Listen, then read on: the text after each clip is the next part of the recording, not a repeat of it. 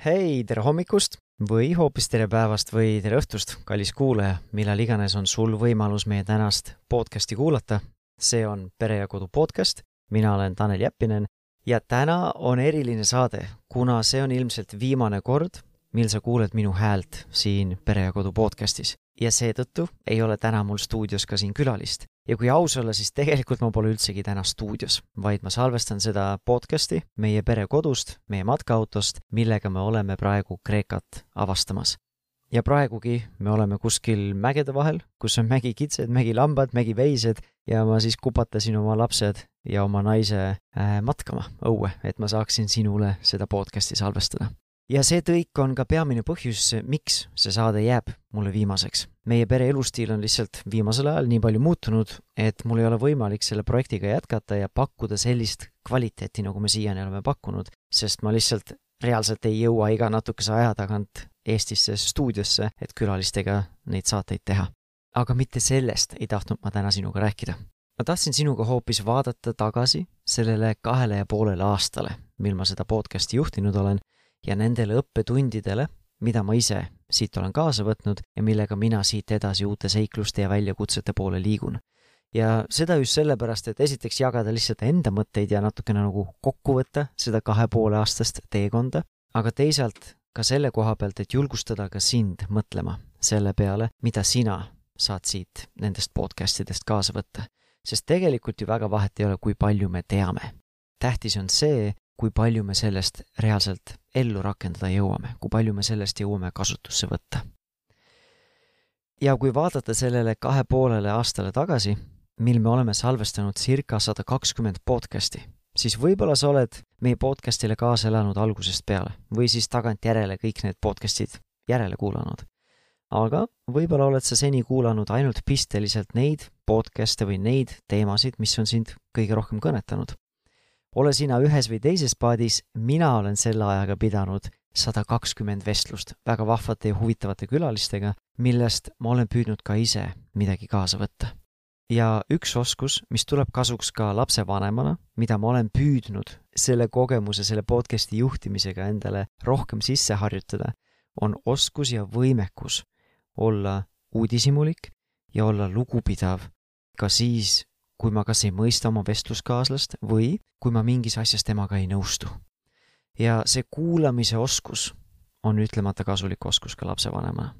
ma ei proovigi öelda, et ma olen täiuslik või väga hea kuulaja. kui sa oled neid varasemaid podcast'e kuulanud, siis sa ilmselt oled tähele pannud, et nii mõnigi kord ma segan külalisele vahele või sõidan neile sisse oma jutuga. ehk siis ma ei ole täiuslik, aga ma ise tunnen, et ma olen sel teekonnal arenenud ja see oskus kuulata oma last on ütlemata kasulik oskus. kuulata, mida tal öelda on, mis tema elus toimub ja mitte kuulata ainult neid sõnasid, mida ta jagab või seda juttu, mida ta räägib, aga püüda kuulata ka neid sõnade taga peituvaid emotsioone ja vajadusi. sest need just on ju tegelikult põhjused, miks mu laps üht või teistmoodi käitub. ja nagu ma ütlesin, see oskus ei ole mulle alati lihtsalt tulnud aga ma siiralt tunnen, et ma olen selles suhtes viimase kahe poole aastaga edasi liikunud.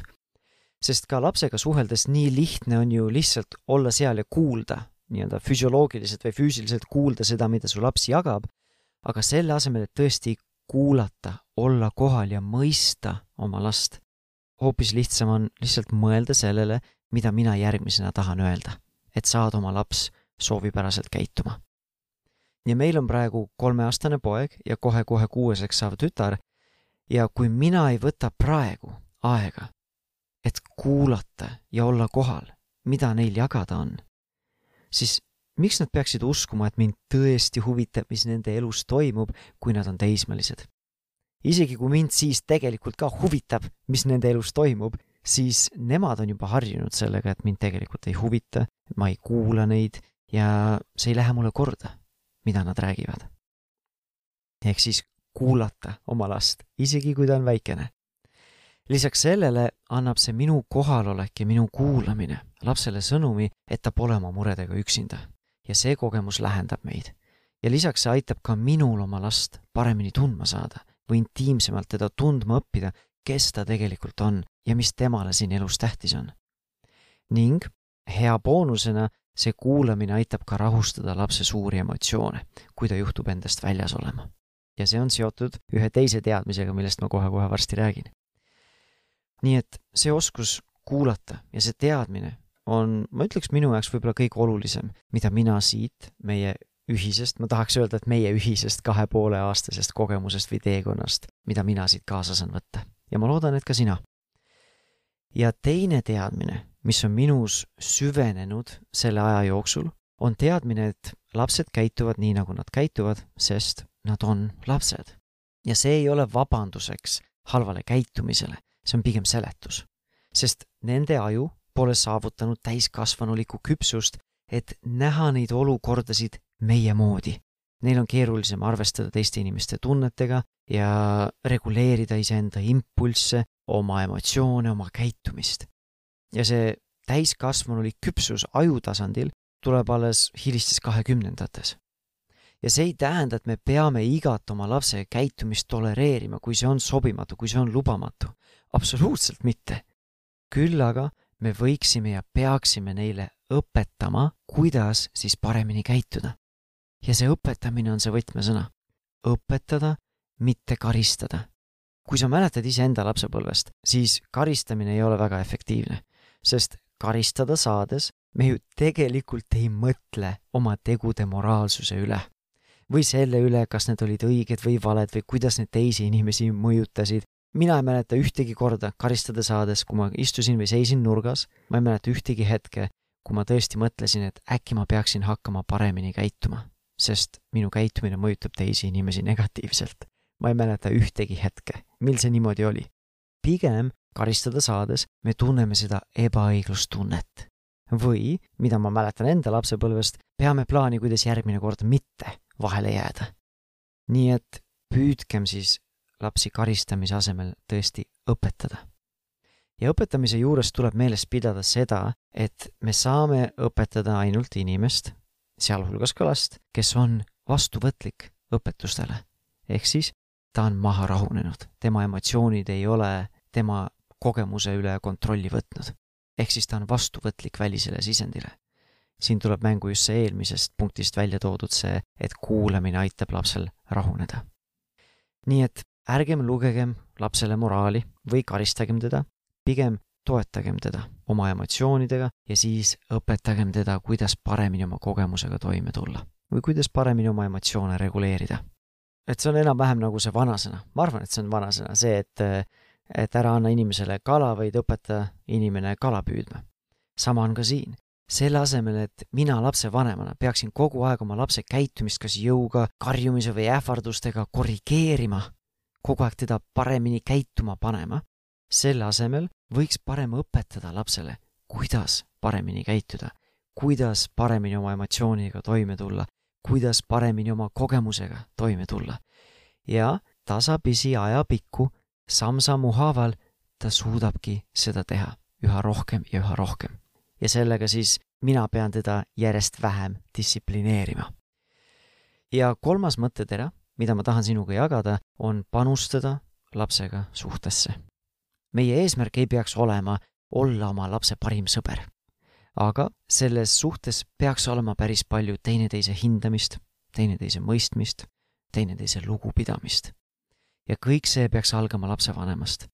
ma ei saa oodata oma lapselt, et tema hindaks ja austaks mind, tema peaks minust lugu, tema kuulaks mind, kui ta ei näe mind seda kõike tegemas. ehk siis ma ei saa oodata oma lapselt küpset, täiskasvanulikku käitumist, kui ma ise ei demonstreeri seda, kui ma ise ei ole sellega eeskujuks. ja see lugupidav ja austav suhe on oluline just sellepärast, et laps tahaks meiega koostööd teha. või siis, kui sa tahad seda sedapidi sõnastada, siis ta tahaks sõna kuulata. mulle lihtsalt meeldib see koostöö tegemine termini ja sõnana rohkem kui sõna kuulmine. ja et laps tahaks seda koostööd teha meiega nii praeguses hetkes kui ka viie või kümne aasta pärast, kui ta on kas kooliealine või hoopis juba teismeline või kes teab, võib-olla juba täiskasvanu, oleneb, mis vanuses ta praegu on. ja mulle väga meeldib see ütlus, et lapsed ei pea piiridest ja reeglitest lugu või ei pea nendest kinni mitte ainult sellepärast, et nad austavad seda piiri, vaid sellepärast, et nad austavad seda inimest, kelle piir see on. ja see ei tähenda loomulikult seda, et kui lapsed nüüd austavad mind, siis nad käivad sada protsenti ajast nii-öelda mööda nööri või mööda joont, et viskavad iga minu juhise peale kulpi ja teevad mõtlemata seda, mida ma ütlen. absoluutselt see ei ole tõene. ehk siis, kui laps ei käi mööda nööri, siis järelikult ta ei austa mind. see ei ole tõene väide. küll aga tõene on see, kui lapsed austavad ja peavad vanematest lugu ja nende suhe on lähedane ja soe, siis nad on koostööaltimad ja nad teevad loomupärasemalt juba palju rohkem lapsevanematega koostööd ja neid vägikaika vedamisi on palju vähem. ja sama on ju ka täiskasvanutega. me ei hooli väga inimeste arvamustest, kes ei lähe meile korda või kui me tunneme, et meie ei lähe neile korda. ja täpselt sama kehtib ka laste puhul. nii et panustagem sellesse suhtesse. ja ma tahan siin suhte juures tegelikult rõhutada veel ka seda, sest ma olen kindel, et väga paljudele tuleb see mõte nüüd pähe, kui ma räägin sellest suhtest, et lapsega suhtesse panustamine ei tähenda piiride puudumist.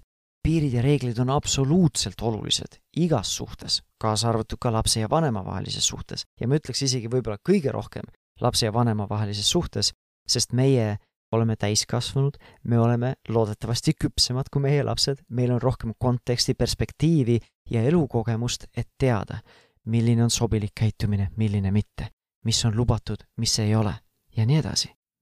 ehk siis piirid ja reeglid on absoluutselt olulised ja vajalikud. aga väga suur vahe on selles, kuidas neid piire kehtestada ja hoida. kas ma teen seda hirmu ja ähvardusega ja karistustega või hoolivalt, empaatiaga ja selgitustega.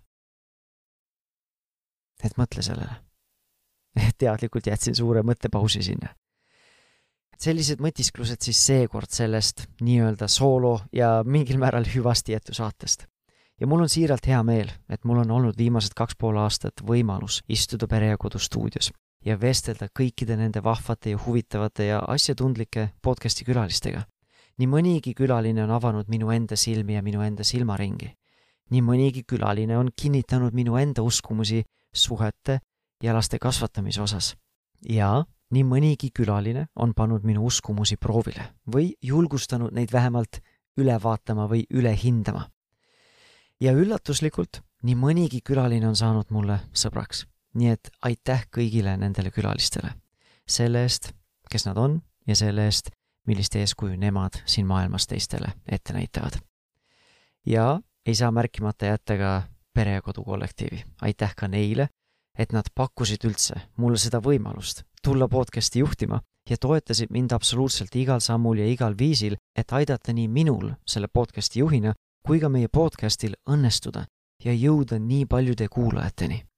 selle kahe poole aasta jooksul viimati, kui mina kontrollisin või vaatasin, mis ei ole nüüd väga hiljutine, sest eh, me oleme siin Kreekas ja internetilevi ei ole alati igal pool, aga viimati, kui ma kontrollisin, siis selle kahe poole aasta jooksul me oleme jõudnud kaheksasaja kuulamiseni kaheksasaja tuhande kuulamiseni. ehk siis meie podcasti osasid või saateid on kuulatud kaheksasada tuhat korda nii Eestist kui ka väljaspoolt Eestit suur,.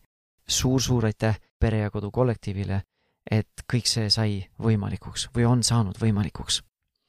Ja lõpuks suur-suur ja siiras aitäh ka sulle, kallis kuulaja, et sa oled minuga ja meie podcastiga jaganud iseenda kõige hinnalisemat ressurssi, oma aega. Ja ma loodan, et vastutasuks me oleme läbi selle podcasti ja kõikide nende külalistega koos aidanud sul olla parem versioon iseendast, ema või isa rollis, kaaslase või partneri rollis või üldse inimesena, olla parem versioon iseendast. Ja et me oleme saanud aidata sul teha paremaid valikuid kõikides nendes rollides. nii et aitäh ka sulle ja ma usun sada protsenti, et sa oled nii-öelda jutumärkides siis heades kätes Pere ja Kodu podcastiga ka edasi liikudes, ka tulevikus uue saatejuhiga. ja ma isegi püüan siit Kreekast kõigele sellele kaasa elada ja neid uusi podcast'e kuulata. ja lõpetuseks, kui sa peaksid mingil põhjusel minust puudust tundma või minu häälest, siis minu sa leiad kas sotsiaalmeediast, otsides mind minu nime järgi, Tanel Jeppinen, või meie Facebooki gruppi Positiivne ja rahumeelne vanemlus ja kui sind huvitab, siis võid kuulata ka minu isiklikku podcasti projekti, rahumeelse vanemluse podcasti, kus praeguseks ma olen avalikustanud circa, ma ütleks vist viisteist saadet või podcasti, aga see on selline hobiprojekt praeguses elufaasis, kus me oleme ja reisime, et äh, mõni kuu mul õnnestub salvestada kolm või neli saadet, ehk siis peaaegu üks saade nädalas, aga mõni kuu võib üldse vahele jääda. nii et kui sa otsustad sellele podcast'ile, rahumeelse vanemuse podcast'ile kaasa elada, siis ma palun sult mõistlikku meelt, mõistmist ja kannatlikkust nende podcast'ide avalikustamisega.